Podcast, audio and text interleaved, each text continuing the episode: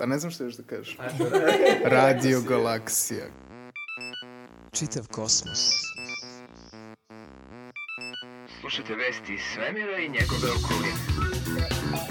Neka svemir čuje nemir. Jer mi znamo kako se rađaju zvezde.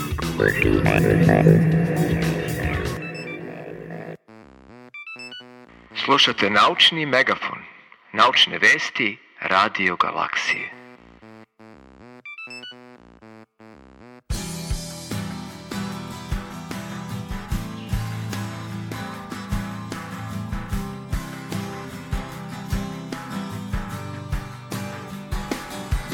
A sada ono što ste čekali čitavog leta, a da nisu Lubenice, Sladoled, More i novi album Toma Vejca.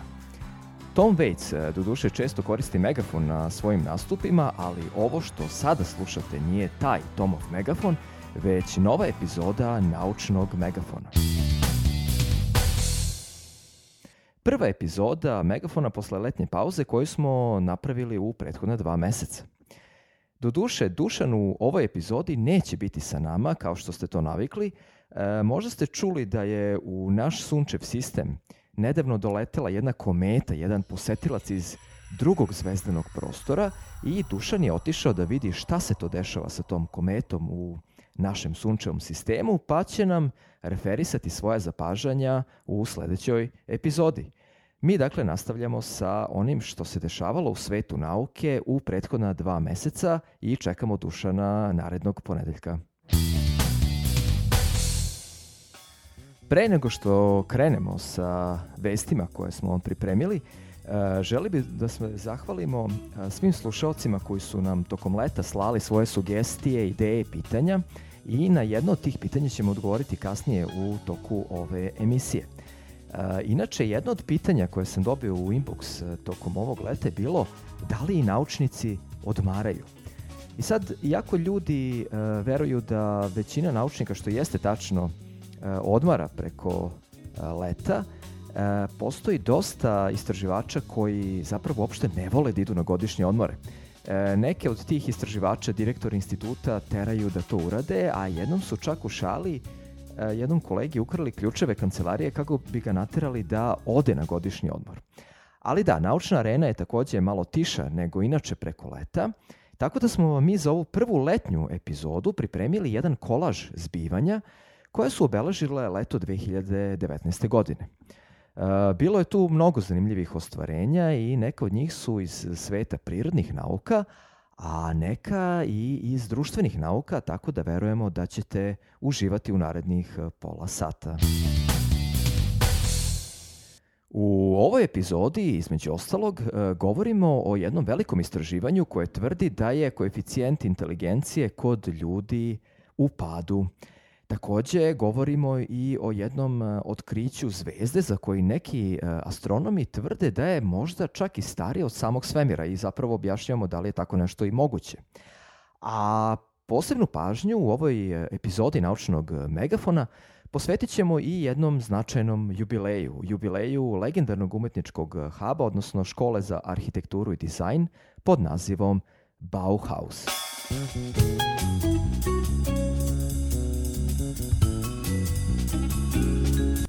Takođe, donosimo vam i jedan lep izveštaj naše drugarice Jovane o izložbi koju možete da posetite u Beogradu, kao i najavu nekih lepih naučno-popularnih zbivanja u narednih desetak dana.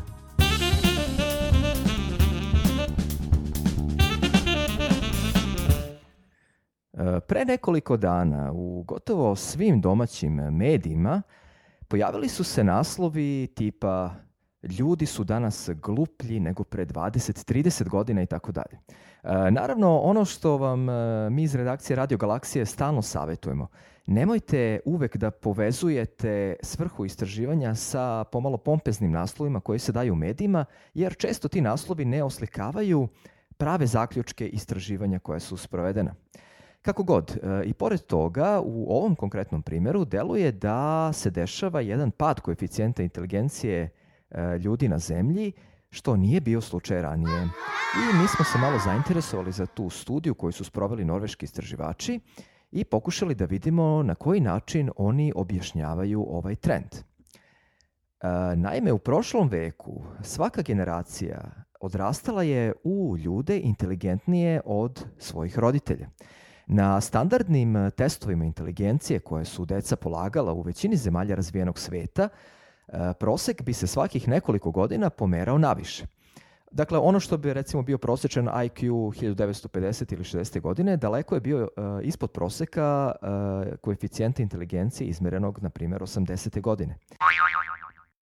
Ovaj efekat u nauci se zove Flynnov efekat prema istraživaču u oblasti političkih nauka Jamesu Flynnu, uh, novozelanđaninu koji je 1987. godine bio jedan od prvih koji su primetili ovaj trend. E, kako su testovi inteligencije redovno standardizovani kako bi se procenio prosek i odstupanje, tako bi svaka generacija postizala identične rezultate na testovima. Međutim, e, kada su Flynn i njegove kolege odlučili da uporede te rezultate iz više generacija, shvatili su da je prosek e, pomeren na gore. Dakle, ona generacija koja je test inteligencije meren 1980. u proseku imala veći IQ od one generacije koje E, recimo kod koje je mereno to 1930 ili 1950. godine. E sad, e, šta kažu naučnici koji se bave ovom tematikom? Kako se to dogodilo? Podaci kažu da je od početka 90. godina prošlog veka do danas koeficijent inteligencije počeo da pada širom zemalja razvijenog sveta. Ovaj trend prvi su primetili norveški naučnici koji su proučavali testove inteligencije kod vojnih regruta između 1950. i 2012. godine. Podaci iz prošlog veka većinom su bili u skladu sa onim Flynnovim efektom, ali sredinom 90. godina taj efekat je počeo da nestaje i koeficijent inteligencije počeo da opada. Usledile su e, dalje zabrinjavajuće potvrde ovog trenda i prema nekim studijama koje su radili engleski i francuski naučnici, E, IQ kod srednjoškolaca kako u Velikoj Britaniji, tako i u Francuskoj, pao je za oko dva boda između 80. godina prošlog veka i 2008. godine. Dakle, prema dostupnim podacima, uh, Flynnov efekat je počeo da usporava i čini se da je čovečanstvo došlo do nekakvog zasićenja, odnosno do vrhunca kolektivne inteligencije. Naravno, e, da bismo znali zašto je to tako, bilo bi dobro znati i šta ga je uopšte uzrokovalo. Kao što je poznato, genetičari i psiholozi se slažu da uticaj gena na inteligenciju dosta značajan, ali ne i presudan. Tu pre svega žele da kažu da se za razvoj inteligencije zaslužni i spoljni faktori, odnosno um, okruženje u kojem odrastamo, ishrana, koliko je posticajna i stimulativna okolina i tako dalje, tako dalje.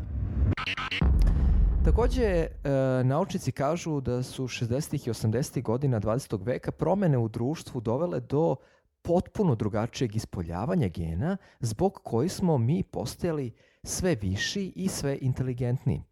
E, sad tu dolazi do različitih teorija zbog čega se dešava ovaj globalni pad kod inteligencije ljudi. I naravno, ovakvi problemi omogućavaju da se jave i neki prilično kontroverzni, čak ajde da kažemo možda i rasistički nekako nastrojeni ovaj, naučni zaključci, poput onog koji su neki engleski naučnici istakli nedavno, gde su za pad inteligencije okrivili migrante iz zemalja u kojima je prosječan IQ niže nego u ovim zemljama u kojima je zapa, ovaj, opažen ovaj pad, kao što su Norveška i Danska. Međutim, e, ono što je dobro jeste da su upravo norveški naučnici u toj svojoj poslednjoj studiji e, opovrgli ovakve kontroverzne tvrdnje, ukazujući da postoje jako verljivi argumenti da su i Flynnov efekat i njegov preokret uslovljeni faktor, faktorima ovaj, životne sredine. Prema tome, u zaključku možemo da kažemo da inteligencija mlađih generacija pada oko dva boda svakih deseta godina i da za to nisu krivi ni disgenika ni migranti, već se taj pad primećuje u svakoj prosečnoj porodici.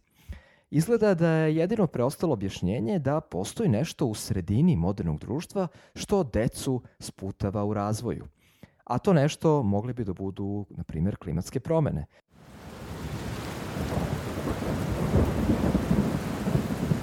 mi smo inače pogledali na nekim našim web sajtovima i šta ljudi u Srbiji misle o ovom trendu i naišli na širok dijapazon odgovora, pri čemu em, većina ljudi smatra da su internet revolucija i sve veće oslanjanje na Google direktni krivci za ovakve rezultate. Takođe, e, veliki gnev, tako da kažemo, e, internet populacije je usmeren i ka sve većem broju reality programa za koje mnogi smatraju da direktno doprinose i globalnom padu koeficijenta inteligencije. E, ovom prilikom redakcija Radio Galaksije vas pita šta vi mislite.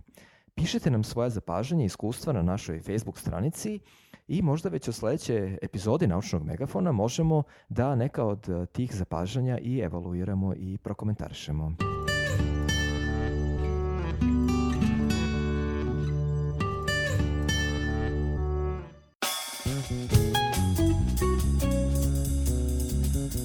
Ove godine u mnogim velikim muzejima širom sveta održavaju se izložbe posvećene jednom važnom i velikom jubileju – stogodišnjici osnivanja najvažnije škole za dizajn, zanati i arhitekturu pod nazivom Bauhaus. E, Bauhaus je bez premce najuticajnije institucije ove vrste, osnovana dakle, pre 100 godina u Nemačkoj, od strane velikog nemačkog arhitekta i vizionara Waltera Gropiusa.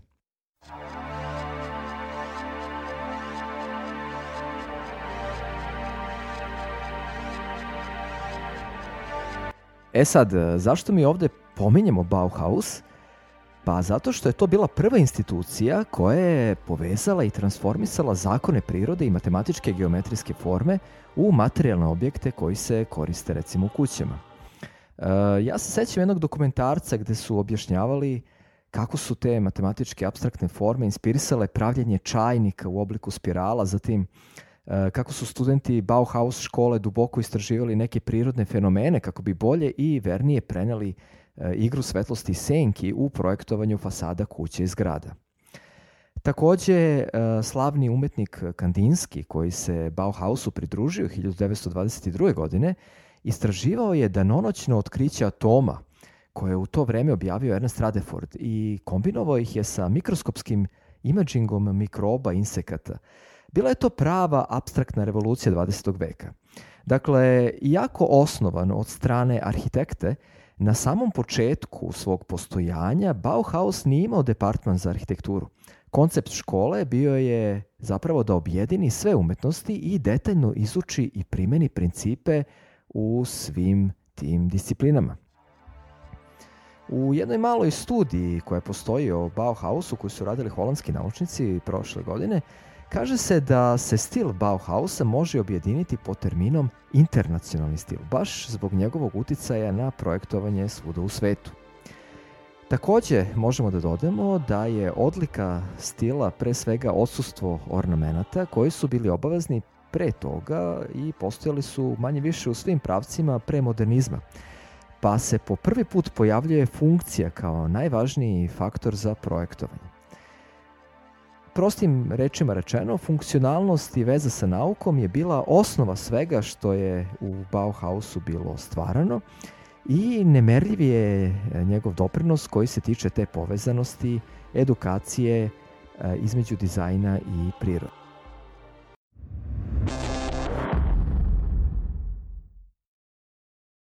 Nažalost, e, nije dugo potrajao rad Bauhaus škole, O, on ima nekoliko perioda, ali su društvene i pre svega političke okolnosti uticale da se on nekako ugasi ranije nego što bi trebalo. Taj e, rad obično je podeljen u tri osnovna perioda. Prvi je Weimar od 1919. do 1925. godine, zatim Dessau koji je trajao do 32. godine i jedan kratkoročni period rada u Berlinu od 1932. do 33. godine zbog stalnog premeštanja Bauhaus studija. E, to premeštanje bilo je uslovljeno političkim neprilikama koje su se u to vreme već uzdizale u Nemačkoj, e, pre svega rast fašizma, dolazak Hitlera na vlast i borba protiv svega što je moglo da se podvuče pod borbu za ravnopravnost.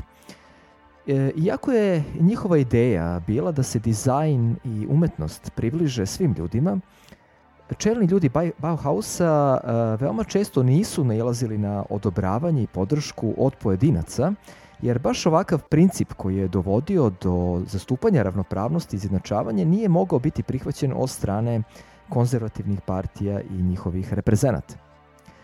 Kao i većina epohalnih ideja u životu i nauci, i Bauhaus je bio previše progresivan da bi imao nesmetan prostor za svoje izražavanje. Tako je škola pobegla u potpunu ilegalu, a neki od njenih najvažnijih e, radnika otišli su u London, gde su nastavili svoj rad. Tamo ima jedna dirljiva e, priča o tome kako ih je u Londonu ugostio Julian Huxley, e, u to vreme upravnik zoološkog parka, koji je bio toliko posvećen svom poslu da je imao čak i kućicu u samom parku. Huxley je organizovao sastanke između nekih engleskih futurologa i ljudi uh, iz Bauhausa, a među tim engleskim futurolozima nalazili su se i neka velika imena poput Herberta Georgea Wellsa, slavnog pisca, i oni su svi zajedno razmatrali jednu naučnu viziju budućnosti. Kao jedan od najlepših rezultata tih sastanaka nastao je i čuveni kućni model zoološkog vrta, gde su životinjama u tom londonskom zoovrtu napravljene prave udobne forme kućice njihovog okruženja, kako bi se životinje makar malo osetile manje ugroženim, zatočenim, uživajući u igri i prostoru. E, Bauhaus je zvanično prestao sa radom 1933. godine, iškolovavši generacije velikih umetnika i dizajnera, a znamo svi danas da je i šta je u svetu usledilo u godinama koje su dolazile. Kako bilo, Bauhaus je ostavio jedan ogroman uticaj pokazavši put na koji način dizajn može da se uskladi sa zakonima matematike i prirode. I za sve one naše slušaoce koji se možda zateknu u muzejima abstraktne umetnosti u Frankfurtu, u muzeju u Berlinu, Amsterdamu, Sao Paulo ili Tel Avivu, e, preporučujemo da obavezno vide postavke posvećene e, Bauhausu.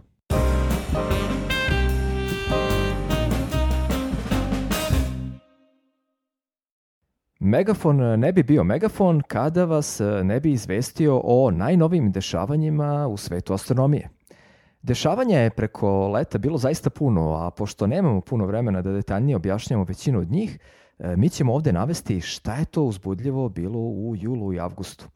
Pre svega, ceo svet obeležavao je 50 godina od prvog spuštanja čoveka na mesec. Međutim, dok su neki obeležavali, obeležavali jubilej, Vredni indijski naučnici njihova svemirska agencija poslali su na slabo istražen južni mesečev pol njihovu najmoderniju letelicu pod nazivom Chandrayaan 2. Ceo proces je do samog sletanja na mesec protekao gotovo savršeno, od konstrukcije e, letelice do uključivanja naučnih uređaja koji bi e, trebalo da posluže za istraživanje ovog slabo istraženog mesečevog pola. Nažalost, na svega 2 km od površine meseca naučnici su izgubili kontakt sa letelicom. Ono što se za sada zna je da je ona sletela na mesec, poslate su i neke fotografije pre nego što se to sletanje dogodilo. I ono što se takođe zna je da je to spuštanje bilo takozvano tvrdo spuštanje, odnosno e, spekuliše se da se leti, letelica oštetila prilikom svog pada. Međutim, e, Indija nije izgubila nadu da će povratiti e, komunikaciju sa Chandrayanom, tako da i nama ostaje da čekamo i vidimo da li će se to desiti.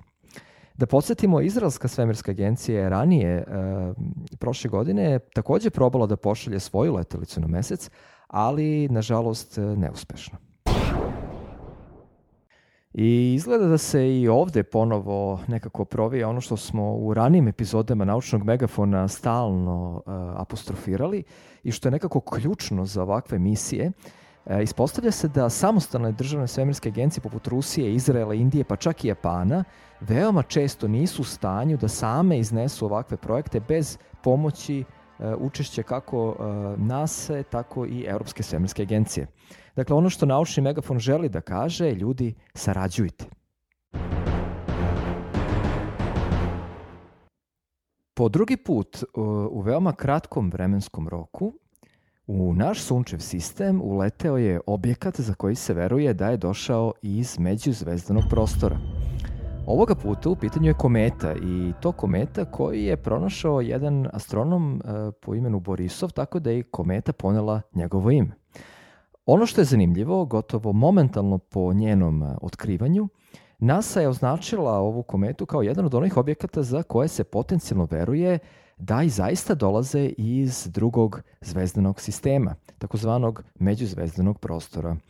Kao što smo rekli na početku emisije, naš Dušan e, pokušava da razreši ovu misteriju i mi čekamo da nam se on u sledećoj epizodi javi sa nekim svojim zapažanjima.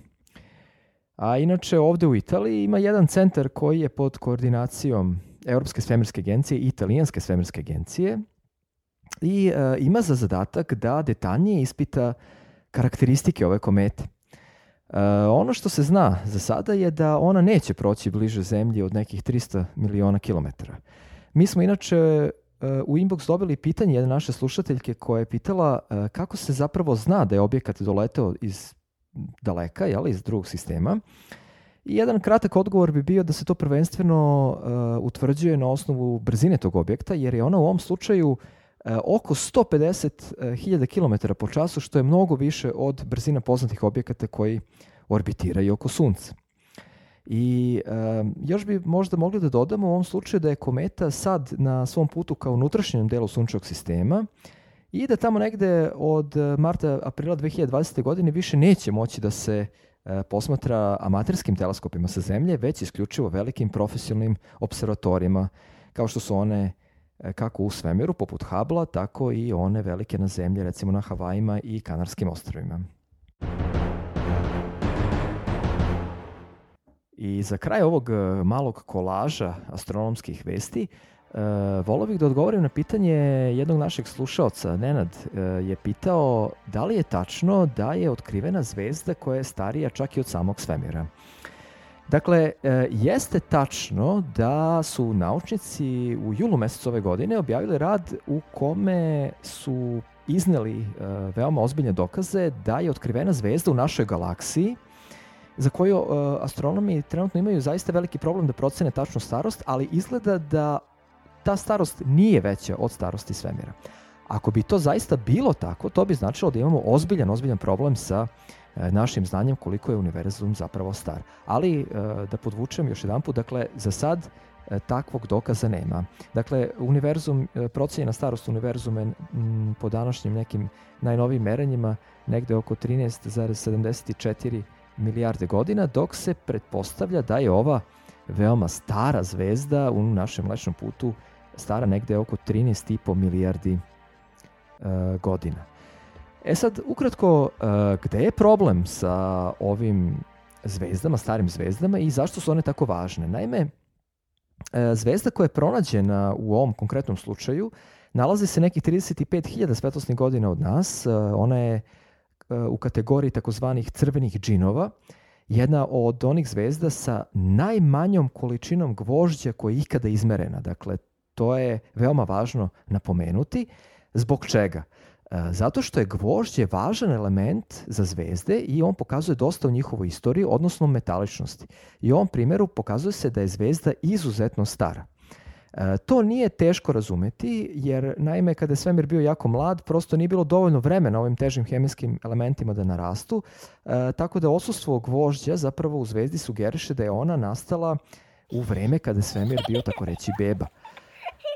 Ono što jeste čudno u ovom istraživanju jeste da se uh, mislilo da su sve te masivne zvezde morale brzo da završe svoj život. Po onom nekom principu iz pop kulture uh, živi brzo, umri mlad. Međutim, eto, izgleda da ova zvezda koja je stara 13,5 milijardi godina još uvek, po znacima navoda, tu kod nas, da tako kažemo, i ovaj, menja uh, ono prethodno mišljenje da je disk naše galaksije u odnosu ovaj, dosta stariji, znači da, da te zvezde koje se nalaze u disku našeg mlečnog puta su stare negde oko 9-10 milijardi godina, sad zapravo to, to sve o, ovo otkriće menja i ispada da dakle, tu postoji zvezde koje su stare čak i 13 i više milijardi godina, što zaista jeste, jeste izuzetno otkriće. I za kraj ove naše uh, kolekcije vesti iz astronomije, imamo jedan mali lep izveštaj koji je pripremila naša drugarica Jovana e, koji govori o zanimljivoj izložbi koju možete da vidite na Kalemegdanu i koja se tiče leta na mesec. Jovana, izvoli. Hvala Darko i hvala Dušane. Pre otprilike dva meseca pričali smo o izložbi koja je ove godine organizovana u Parizu povodom 50-godišnjice sletanja na mesec. A evo sada sa radošću mogu da vas pozovem na izložbu slične tematike otvorenu u Galeriji Prirodnjačkog muzeja na Kalemegdanu. U pitanju je izložba Put na mesec višeg kustosa Miloša Jovića koji u saradnji sa mnogim stručnjacima kako prirodnih tako i društvenih nauka približio značaj razvoj ovog istorijskog događaja beogradskoj publici. Izložba je podeljena u nekoliko segmenata i posetioci će imati prilike da se upoznaju sa takozvanom ličnom kartom meseca, činjenicama o njegovom sastavu, površini, plimi, oseci, fazama koje popularno nazivamo menama i teorijama o nastanku ovog prirodnog zemljenog satelita. Tu je i niz zanimljivosti o načinima na koje kretanje meseca utiče na biljni i životinski svet na zemlji. Drugi deo izložbe posvećen je istoriji ideje o stupanju na mesečevo tlo, od antičkih filozofa preko renesansnih naučnika do savremene istorije, to je događaja čiji jubilej slavimo. U saradnji sa Muzejem Jugoslavije na izložbi su prikazani neobični pokloni koje su američki i sovjetski predsjednici poklanjali Josipu Brozu Titu, a koji su vezani upravo za svemirsku trku i misiju Apola 11. Ne želim da vam otkrijem tačno šta se nalazi u vitrinama, reći ću vam samo da je jedan od tih predmeta putovao do meseca i nazad do zemlje, a sada se nalazi u našem muzeju Jugoslavije. Posljednji deo izložbe bavi se mesto meseca u verovanjima, magiji, okultizmu i folkloru različitih kultura sveta. Posetioci će moći da uđu u takozvanu alhemijsku sobu u kojoj će saznati kako se uz pomoć sunca i meseca od olova pravi zlato. Ne, šalim se, nećete tu tajnu otkriti ovom prilikom, ali zato na opštu radost svi ovde prisutnih naučnika moći ćete da izračunate u kojem se horoskopskom znaku našao mesec u trenutku vašeg rođenja i šta bi to trebalo da govori o vašoj ličnosti. Izložba Put na mesec je veoma edukativna i dosta interaktivna, tako da mislim da će biti zanimljiva svima, pa ako budete u mogućnosti posetite tokom jeseni i zime. Biće otvorena do kraja januara 2020. godine.